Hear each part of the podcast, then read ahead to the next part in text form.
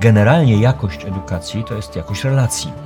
A więc do tej pracy będą się nadawali ludzie, którzy są mistrzami świata w utrzymywaniu relacji, a nie da się tego zrobić nie mając dobrze rozwiniętych i silnie działających mechanizmów lustrzanych. Problem w tym, a właściwie nie tyle problem, ile, ile, ile rzecz w tym, e, że żeby być dobrym i sprawnym nauczycielem, to trzeba mieć wyjątkowo sprawne mechanizmy lustrzane. A jednocześnie, jeżeli ktoś ma wyjątkowo sprawne mechanizmy lustrzane, to w takim środowisku przeciąża je wyjątkowo mocno. Ale tak naprawdę do tego zawodu nadają się właśnie ci ludzie, którzy są w nim najbardziej, najbardziej zagrożeni. Włącz się w rozmowy o wychowaniu i edukacji. Czekają interesujący goście i ważne tematy. Zapraszam do studia do akcji. Piotr Sobolewski. Eduakcja. Przyszłość stworzą dzieci. W studiu do akcji Marek Kaczmarzek, profesor Uniwersytetu Śląskiego, neurodydaktyk, neurobiolog. Dziś będziemy mówić o lustrach w naszych głowach. Cóż to takiego? No to przenośnia, którą stosuje się w związku z tym, jak nazwano pewne mechanizmy i komórki, e, które de facto zajmują się e, u nas e, empatią. Ja zdaję sobie sprawę z tego, że empatia jest takim słowem czy pojęciem, które nam się chyba raczej z biologią nie wiąże, prawda? No tak. Widzimy tutaj, nie, nie wiem, socjologię, psychologię, psychologię relacji. E, No i rzeczywiście same, same procesy empatyczne bardzo długo wymykały się biologom, jeśli chodzi o opis, ale od samego właściwie początku takiego namysłu nowoczesnej biologii, szczególnie ewolucyjnej, my zdawaliśmy sobie sprawę z tego, że e, takie mechanizmy muszą istnieć. Dlaczego? No dlatego, że empatia jest de facto sposobem na stosowanie tej strategii podstawowej naszego gatunku, jakim jest dostosowanie łączne. Czyli strategii polegającej na tym, że każdy człowiek jest czymś więcej niż jego własne możliwości. Pod warunkiem, że potrafi kooperować z innymi, prawda? W Czyli współpracować. e, współpracować, ale też odpowiednio ich rozumieć, odpowiednio ich czytać, jak czasami mówimy, reagować emocjonalnie na ich emocje i tak dalej, i tak dalej. Innymi słowy, empatia rozumiana jako sposób odczytywania emocji z zachowań innych i tworzenia pewnego rodzaju wewnętrznego modelu tych emocji, czy ogólnie umysłu, bo nie tylko przecież emocji, bo również intencji, musiała mieć ewolucyjne podłoże, ponieważ była ewolucyjnie przystosowawczo korzystna. E, a do- Niezbędna. Niezbędna. Właściwie tak, w tym przypadku niezbędna. No i oczywiście y, kolejnym jakby argumentem na rzecz tej biologii y, było to, że jest wszędzie. To znaczy, że nie ma takiego kulturowego obszaru, w którym ludzie y, nie byliby empatyczni. Jest to nasza cecha gatunkowa. No jak to się w takim razie przedstawia, tak jakby Mhm. wytłumaczyć człowiekowi o co chodzi z tym? E, najprościej to chyba ujmuje y, odkrywca mechanizmów lustrzanych, a właściwie jeden z głównych odkrywców, y, profesor Giacomo Rizzolatti, taki y, y, szef y, zespołu neurobiologów z Padwy, e, którzy może nie jako jedyni, ale chyba jako pierwsi dostrzegli potencjał w, y, no właśnie, w pewnym specyficznym zachowaniu niektórych grup neuronów związanych z ruchem, E, Badania e, prowadzone były na małpkach, konkretnie na makakach e, japońskich. To były ostatnie dekady XX wieku. Oni zauważyli, że w mózgach e, zwierząt e, znajdują się pewne neurony albo ich niewielkie grupy, a powiedzmy, że sprowadzimy to do pojedynczych neuronów, które są aktywne tylko wtedy, kiedy zwierzę wykonuje jakiś określony rodzaj czynności. Mhm. Czyli na przykład, jeżeli sięga po rodzynkę, to e, oczywiście e, mózg jest uogólniony, w uogólniony sposób aktywny, ale zawsze, kiedy ona sięga po rodzynkę, jakiś konkretny neuron też jest aktywny. Mhm. Rzecz tylko w tym, że ten neuron nie jest aktywny, kiedy ta małpa robi cokolwiek innego. Czyli może robić absolutnie wszystko, a neuron śpi. Jeżeli sięgnie po rodzynkę, neuron się uaktywnia. Grupa Rizzoltiego nazywała to neuronami od konkretnej roboty. E, Potem się okazało, nawiasem mówiąc, że w mózgach zwierząt i ludzi mamy takie neurony czy obszary, które reprezentują konkretne, konkretne, e, konkretną robotę, nazwijmy to w ten sposób, nie tylko oczywiście tą fizyczną, również, również mentalną. E, W badaniach Rizzolatiego chodziło szczerze mówiąc o coś zupełnie innego, ale przypadkiem zauważyli oni w trakcie swoich badań, czy jego zespół, że jeżeli małpka patrzy na kogoś, kto wykonuje dokładnie ten sam gest, czyli w tym przypadku na przykład sięganie po rodzynkę, rodzynkę to pomimo tego, że, mm, że małpa nie wykonuje w danym momencie tej, y, tej czynności, to jej y, neuron od konkretnej roboty, jej neuron od sięgania po rodzynkę jest aktywny. Mhm. A to oznacza, że y, w pewnym sensie mózg małpy zamienia to, co widzi, na to, co by robił, gdyby To robił. robił to, co widzi. Okay. Trochę to skomplikowanie brzmi, ale to, była pierwsze, to było pierwsze spostrzeżenie, które nas poprowadziło w stronę e, znaczenia tak zwanych mechanizmów lustrzanych, bo, tak, Mhm. e, bo tak one są obecnie nazywane. Pierwotnie mówiono o neuronach lustrzanych, właśnie to jest e, pojęcie, które e, ukuł Rizzolatti i jego i jego współpracownicy. No bo rzeczywiście troszkę to wygląda tak, jakbyśmy byli w stanie odzwierciedlić, odbić jak lustra zachowania, e, zachowania innych e, i wyjaśnia to, dlaczego my innych rozumiemy. Jeżeli ja e, uśmiecham się e, Mhm. do kogoś, to w mózgu tego kogoś, kto mnie obserwuje, pojawiają się pobudzenia w obszarach, które byłyby pobudzane, gdyby to on się uśmiechał. Jasne. A to znaczy, że rozumie, co oznacza uśmiech, ponieważ te jego pobudzenia wyzwalają całą kaskadę stanów związanych chociażby z przyjemnością, e, z jakimś rodzajem motywacji itd., itd., itd. Kiedy ktoś e, widzi, jak, e, jak ktoś biega za piłką, a jednocześnie miał takie doświadczenia, to w jego mózgu pojawiają się w obszarach, obszarach ruchowych pobudzenia charakterystyczne do pobudzeń mających miejsce wtedy, gdy on biega za piłką. Okej, czyli rozumiem, że wszystko chodzi o to, że my potrafimy odczytać emocje osób, które wykonują daną czynność, e, jeśli na nie patrzymy? Może inaczej. Nie tyle je czytamy, ile my je y, duplikujemy w swoich własnych mózgach. Mhm. Innymi słowy, emulujemy, jakby symulujemy, albo inaczej. Nasze mózgi symulują to, co widzą. Mhm. Dosłownie. To nie jest kwestia ro, rozumienia takiego y, transcendentnego, czy też jakiegoś, Jasne. jakiejś przenośni. Nasze mózgi powstają, E, e, funkcjonują Dokładnie. I wtedy. to jest dosłowność. Mhm. E, To jest neurobiologiczna dosłowność. To jest y, sytuacja w znacznym stopniu y, jeden do jeden. E, Tylko warto y, zwrócić uwagę na to, y, co często jest y, wynikiem nieporozumienia, czy efekt, w efekcie pojawiają się pewne nieporozumienia, e, bo nazwa Rizzolatiego sugerowałaby, że my w naszych mózgach tworzymy niejako mm, e, stany, które są charakterystyczne dla stanów osób, na które patrzymy. Prawda? Tak Mhm. działa lustro. Natomiast tak naprawdę my tworzymy, tworzymy tylko stany adekwatne. Innymi słowy, jeżeli ja patrzę na osobę, która coś wykonuje, to w moim coś robi, to w moim mózgu pojawiają się stany, które miałyby miejsce w tym moim mózgu, gdybym to ja robił to, co robi osoba, na którą patrzę. A e, zwróć uwagę, że to jest inna sprawa. Tak. To nie jest kwestia tego, że ja czuję to, co on. To jest kwestia tego, że ja czuję to, co bym czuł, gdybym robił to, co on. Jasne. I to jest różnica. A jeśli, y, czy to się też odnosi do samej nauki? Na przykład jeśli idę sobie na kort tenisowy i obserwuję sobie tenisistów, a wcześniej nie grałem w tenisa, Mhm. to czy jest prawdopodobieństwo, że y, mój mózg będzie lepiej działał, kiedy już wezmę rakietę do ręki i czy ja będę po prostu lepiej grał, kiedy sobie obserwuję tych ludzi?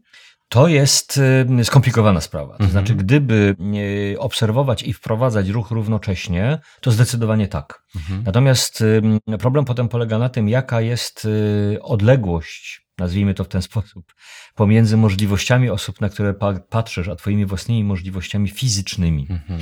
E, Jeżeli nigdy nie grałeś w tenisa, to zrozumienie pewnych ruchów możliwe jest tylko poprzez pojawianie się w Twoim mózgu pewnych analogicznych do tych ruchów stanów, które one wcześniej znały. Mhm. E, I tu jest pewien problem, dlatego że Ty będziesz się odwoływał do pewnych sekwencji ruchowych, które związane są z czymś, co znasz, ale niekoniecznie Twój mózg będzie w stanie łączyć je w całość adekwatną do tego, co jest potrzebne w czasie grania. A Innymi słowy, prościej? E, strasznie trudno to uprościć. E, e, jakby to powiedzieć? To jest ten sam błąd, czy też nieadekwatność, która może nastąpić na przykład w ocenie pewnych kompetencji ruchowych, e, kiedy je obserwujesz u kogoś wysoce kompetentnego, ale ty tych kompetencji nie masz. Dobrze, spróbujemy najbardziej banalny przykład. Skończyły Mhm. nam się mistrzostwa w piłce nożnej. E, obserwowaliśmy ich przebieg. Mhm. E, I wielokrotnie przed e, telewizorami, e, patrząc na swoich ulubieńców, swoje ulubione drużyny, no wyrywało nam się z naszych gardeł, jak ty biegniesz do tej piłki, czemu tak wolno, jak mogłeś nie trafić i tak Mhm, dalej, i tak mhm. dalej. Podczas gdy, gdyby tak obiektywnie spojrzeć na nasze możliwości jako ludzi, to gdyby nas, powiedzmy sobie, że jesteśmy 40-latkami em, odległymi od ostatnich naszych doświadczeń z piłką nożną o 20 lat. 20 lat i 20 kg, prawda? Mhm. W jednej ręce podczas obserwacji tego, tego meczu mamy coś do picia, a w drugiej paczkę chipsów. E, No to my sobie zdajemy obiektywnie sprawę z tego, że gdyby nas postawiono na linii środkowej boiska i kazano nam biec do bramkowej, to byśmy pewnie dostali zawału w połowie drogi. Może przesadzam. Niemniej jednak nasze mózgi korzystają z naszych bardzo odległych doświadczeń jako młodych ludzi i Mhm. dokonują projekcji tych naszych możliwości na to, co widzimy na ekranie telewizora. E, Nie ma to nic wspólnego z naszymi kompetencjami.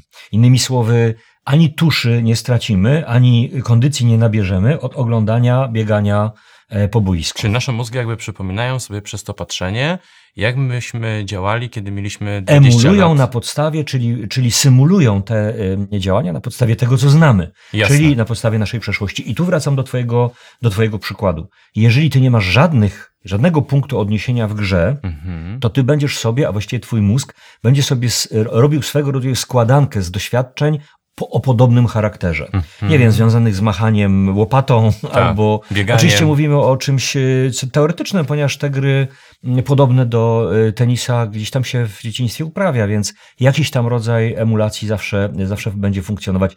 Najlepsze efekty będziesz miał wtedy, kiedy będziesz grał z kimś doświadczonym. Oczywiście. Dlatego, że bezpośrednio obserwowanie Twojego przeciwnika w trakcie ruchu przenosi się na jakość Twoich ruchów i jesteś w stanie na bieżąco doskonalić swoje ruchy, jednocześnie emulując, emulując jego. To jest najlepsze, najlepsze rozwiązanie. Dużo gorzej, jeżeli zaczniesz od grania z ścianą, bez y, wsparcia jakiego, jakiejś podpowiedzi. To jest podobna sytuacja jak z jazdą na nartach. Nie ma nic gorszego niż spróbować samemu nauczyć się jeździć na nartach, a potem, kiedy nie osiągamy odpowiednich efektów, poprosić e, o wsparcie jakiegoś doświadczonego, nie, Bo się doświadczonego wypracowują pewne nawyki, które potem trudno... Dokładnie. I taki, taki instruktor jest załamany, ponieważ on najpierw musi przekonać nas do tego, że te ruchowe, już bardzo silnie w naszym mózgu reprezentowane zachowania są nieadekwatne do tego, co trzeba. I Jasne. tu mamy kłopot z mechanizmami lustrzanymi.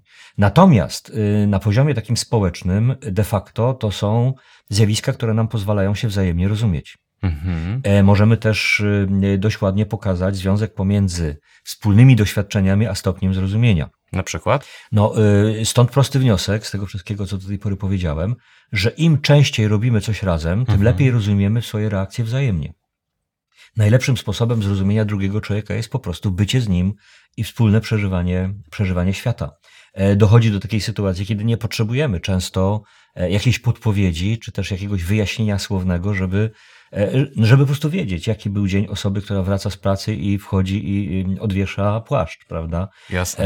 E, Że my my to od już- razu rozpoznajemy, tak, co tam się działo w ciągu dokładnie. dnia. Jeżeli jeszcze wiemy, w, w czym pracuje, czy też wiemy, co miał do zrobienia i jak było to dla niego ważne, to jesteśmy w stanie w tym momencie ocenić, ocenić, co się dzieje. Natomiast jeżeli my tych doświadczeń nie mamy, to będziemy popełniać błąd, który może y, też prowadzić do nieporozumień, bo my możemy być w pewnych obszarach naszych doświadczeń bardzo do siebie bliscy, a jednocześnie w innych zupełnie od siebie, odleg- od siebie odlegli. Na przykład, jeżeli y, no, no, człowiek wraca do domu e, i ta druga jego połowa życiowa przygotowała dla niego obiad albo upiekła e, e, świetnie pachnące i smakujące ciasto, ale ten, który wraca do domu, nigdy tego w życiu nie robił, Mhm. E, to on nie ma świadomości tego, ile energii, czasu, cierpliwości, Pomysł. e, pomysłu kosztowało to tą osobę. I e, może tego nie docenić. E, Jeżeli nie jest odpowiednio wrażliwy, jeżeli nie zna tych mechanizmów, e, jeżeli nie jest Nie odpowiednio też empatyczny i nie ma tych doświadczeń, to może dojść do Mhm. ogromnego nieporozumienia. No nieraz prawda? wydają nam się pewne rzeczy proste, ale jak za- zanim się zaczynamy Zanim zabierać, zaczniemy to... robić. Tak, dokładnie. Tak jest zresztą z oceną kompetencji i y, wysiłku związanego z każdym, y, z każdym zawodem. Ktoś, kto nigdy nie uczył w szkole, no nie jest w stanie ocenić, na ile uciążliwa jest, uciążliwa jest praca No właśnie, nauczyciela. wspominasz o to, że jesteśmy, wchodzimy do szkoły w takim razie. No i co? Mamy nauczyciela, który no, ma mechanizmy lustrzane, jak wszyscy jego uczniowie i to działa. No ale jakie są tam zagrożenia na przykład, jeśli nauczyciel daje jakieś zadanie uczniowi? No właśnie, warto zwrócić uwagę na to, że myśmy do tej pory mówili o mechanice lustrzanej w kategorii oceny kompetencji, czy też przeniesienia, e, przeniesienia y, pewnych stanów. Ale warto też zwrócić uwagę na to, że y, na tej zasadzie przenosimy też emocje związane z konkretnymi stanami. Jeżeli ja patrzę na osobę uśmiechniętą, mój mózg się uśmiecha i to Mhm. dotyczy również oczywiście układu y, związanego z reakcją emocjonalną. Jeżeli ktoś widzi kogoś, kto jest w rozpaczy, to pojawia się aktywność układu limbicznego, przeżywamy stres mm, i odzwierciedlamy te stany adekwatne do tego, co widzimy. To jest kosztowne. E, W zawodach, które wymagają e, bardzo silnej empatii, czyli bardzo intensywnego życia relacyjnego, że się tak wyrażę. Po prostu mamy wokół siebie dużo ludzi. Raz, mamy dużo ludzi, ale na przykład urzędnik ma wokół siebie w ciągu jednego dnia też sporo ludzi, a jakaś jego głęboka empatia nie zawsze musi wpływać, chociaż często wpływa na, mhm. na jakość jego pracy, ale już nauczyciel, który związany jest z uczniem przez dłuższy czas, to nie jest pojedyncza lekcja, mhm. a później go już nie widzi. Pojedyncza wizyta u lekarza, a później już nic. Ja nie twierdzę, że lekarze nie są empatyczni. Chcę Jasne. tylko pokazać specyfikę pracy nauczyciela. Tylko on z tym uczniem współpracuje z dnia na dzień, z tygodnia na tydzień przez na przykład kilkanaście miesięcy, czy kilka lat najczęściej w ten sposób. No to te relacje muszą być znacznie głębsze niż w przypadku incydentalnych kontaktów. Oczywiście. Generalnie jakość edukacji to jest jakość relacji. Mhm. A więc do tej pracy będą się nadawali ludzie, którzy są mistrzami świata w utrzymywaniu relacji, a nie da się tego zrobić, nie mając dobrze rozwiniętych i silnie działających mechanizmów lustrzanych. Innymi słowy, czy nauczyciel chodzący na dyżurze podczas przerwy lekcyjnej i nauczyciel będący na lekcjach wchodzi w tysiące interakcji lustrzanych z młodymi ludźmi w różnych stanach emocjonalnych. W krótkim czasie. W krótkim czasie. I on musi to robić, ponieważ na tym polega jego, jego zawód. No dobrze, ale jeśli mamy na przykład y, nauczyciela na dyżurze mhm. yy, i dajmy na to, że to jest no, bardzo obfita w dzieci yy, korytarz. Jak no to, najczęściej bywa tak, w no to co, szkole. co się wtedy dzieje w mózgu takiego nauczyciela, kiedy z jednej strony w kontekście mechanizmów lustrzanych no idzie i widzi, że dziecko jest smutne, za 30 sekund podbiega e, dziecko pełne entuzjazmu, a jeszcze w, w kątem oka widzimy, że coś się dzieje gdzieś tam w rogu korytarza i musimy zareagować tak? na poziomie mm -hmm. agresji. No, wtedy? no cóż, no to, co, to o czym mówiłem. Mózg szybko, gwałtownie przestawia się z emocji na emocje, emuluje te emocje, emuluje je po to, żeby stworzyć pewne warunki wewnętrzne odpowiadające konkretnej potrzebie, tak? Mhm. Czyli jeżeli mamy dziecko wesołe, my musimy się przyłączyć do jego radości, do jego radości go wesprzeć. Jeżeli widzimy dziecko agresywne, musimy reagować na agresję, ale najpierw ta agresja będzie emulowana w naszym, w naszym mózgu, żeby ją rozumieć, żeby rozumieć kontekst, natężenie tak tak dalej. To samo z dzieckiem smutnym i tak dalej. E, a oznacza to szybkie, gwałtowne zmiany stanów wewnętrznych mózgu, łącznie z produkcją neurotransmiterów, aktywnością różnych struktur, generalnie przeciążamy coś, co e, naukowcy nazywają często mózgiem społecznym, czyli zbiór struktur, który odpowiada za empatię i za te, mhm. i za te możliwości. Mm, problem w tym, a właściwie nie tyle problem, ile, ile, ile rzecz w tym, e, że żeby być dobrym i sprawnym nauczycielem, to trzeba mieć wyjątkowo sprawne mechanizmy lustrzane. Mhm. A jednocześnie, jeżeli ktoś ma wyjątkowo sprawne mechanizmy lustrzane, to w takim środowisku przeciąża je wyjątkowo mocno. Mhm. E, no, jeżeli złożymy te dwie informacje razem, no to widzimy pewne niebezpieczeństwo. Czy z tego powodu możemy być tak zmęczeni jako nauczyciele po 6-8 godzinach zajęć z tyloma interakcjami e, lustrzanymi? Najczęściej z tego powodu właśnie jesteśmy tak bardzo zmęczeni. My to definiujemy, czy też nauczyciele definiują, czy inni ludzie, którzy mają do czynienia z wieloma ludźmi przez dłuższy czas swojej mhm. pracy, definiują to jako zmęczenie, czują to często jako zmęczenie fizyczne odbierają to jako, jako fizyczne reakcje, ale tak naprawdę źródłem tego jest przeciążenie na poziomie lustrzanym właśnie. Mhm. My tylko to czujemy jako zmęczenie, mhm. tak naprawdę jest to przeciążenie, e, przeciążenie mózgu w tym obszarze, które zresztą nawiasem mówiąc w konsekwencji aktywności np. układu limbicznego, czy też obszarów związanych z bólem, nie tak bardzo różnią się od mhm, siebie. Mhm. Można je Można dość... odczuwać fizyczny ból. Dokładnie tak. Mhm. Można pod tym względem odczuwać fizyczny ból, chociaż ma on źródło psychiczne i de facto jest psychiczny. Yy, I tutaj wracając na chwileczkę jeszcze do nauczycieli, e, bo, bo chciałbym to wyraźnie podkreślić, yy, jeżeli my przeciążamy jakąś część naszego ciała, organizmu, nie tylko układu nerwowego, yy, i to robimy to latami, z tygodnia na tydzień, z dnia na dzień, z roku na rok, no to jeżeli potem ta część gdzieś tam szwankuje, to my się nie dziwimy. Tak? Ktoś, mhm. kto prowadzi ciężarowe samochody przez 25 lat, nie zdziwi się, że będzie miał kłopoty z kręgosłupem lędźwiowym, szczególnie jeżeli te tak samochody nie są specjalnie e, do tego dostosowane i będzie musiał gdzieś tam e, wziąć pod uwagę, że jego kariera może się skończyć bólem e, kręgosłupa czy kłopotami z tym kręgosłupem. No jeżeli natomiast ktoś jest empatą i uprawia 25 lat czy 30 lat zawód nauczyciela, to musi być, to musi być skłonny przyjąć do wiadomości, czy przyjmować do wiadomości, że jego przeciążony mózg społeczny może dać dość paskudne efekty neurofizjologiczne, łącznie niestety z pewnymi dysfunkcjami, takimi jak stany depresyjne, czy nawet depresje, no i chorobami psychicznymi. Czyli w dużej mierze jest to dosyć niebezpieczne, jeśli Jest to bardzo niebezpieczne z tego punktu mm -hmm. widzenia zawód.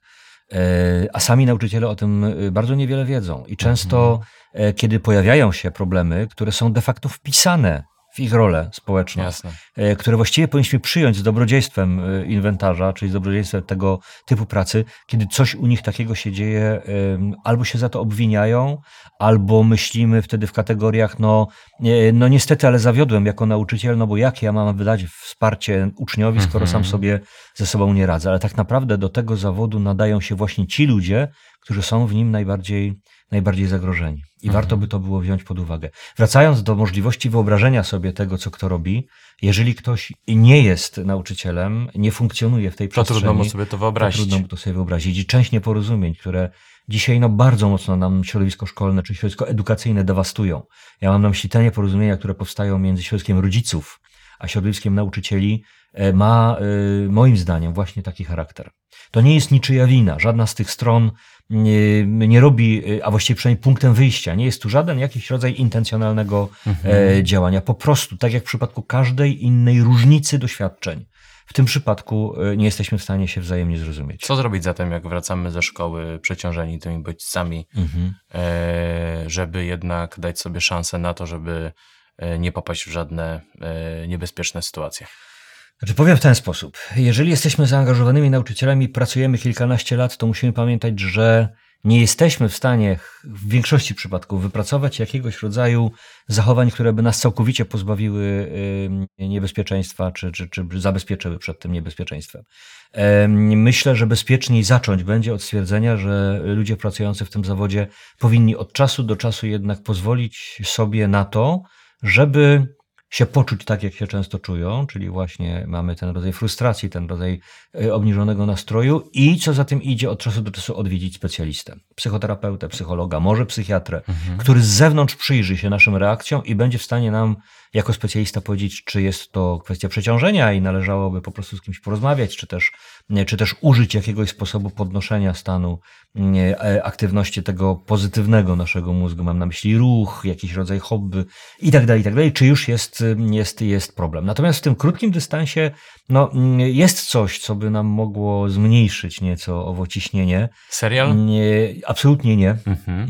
Dlatego, że jeżeli wrócimy do domu, e, powiemy rodzinie, dajcie nam godzinkę. godzinkę, tak? Ja sobie tylko odpocznę oglądając swój ulubiony serial, no to niestety popełnimy błąd, ponieważ w tym serialu widzimy znowu dziesiątki reakcji emocjonalnych i twarzy w różnych stanach mm -hmm. emocji i to jeszcze często przerysowanych, bo po to się zatrudnia aktorów, żeby no tak, potrafili tak, to tak, zrobić. Tak. I po takim serialu, jeżeli wejdziemy w niego głęboko mm -hmm. emocjonalnie, możemy być w jeszcze gorszej sytuacji niż, niż przed. Paradoks polega na tym, że tym, co by nam tutaj mogło pomóc, jest samotność. E, ale taka samotność w rozumieniu nie tylko braku osób jako takich, ale również jakiegoś sposobu na niemyślenie o ludziach. Czy na przykład wyjście do lasu? E, wyjście do lasu, ale jeszcze e, musimy tutaj się troszkę postarać, dlatego że nasze mózgi są bardzo grupolubne, bardzo e, mhm. człowiekofilne, powiedzmy to w ten mhm. sposób. Nasza przeszłość ewolucyjna mm, e, była warunkowana. Dążymy do bycia w stadzie. Dokładnie tak. A więc my samotności nie lubiliśmy. Nasz mhm. mózg raczej unika sytuacji, kiedy jesteśmy w samotności i dąży do tego właśnie, żeby mieć ludzi wokół siebie. I tu ta dążność biologicznie, ewolucyjnie w nas drukowana niestety nas zdradza.